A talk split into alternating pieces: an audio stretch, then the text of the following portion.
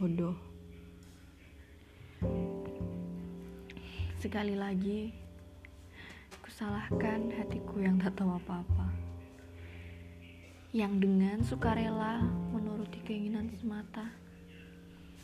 Sekarang, setelah semua kabur menjadi nyata, kini waktunya ego menyalahkan rasa. Kenapa? Kenapa kau bisa jatuh semudah itu?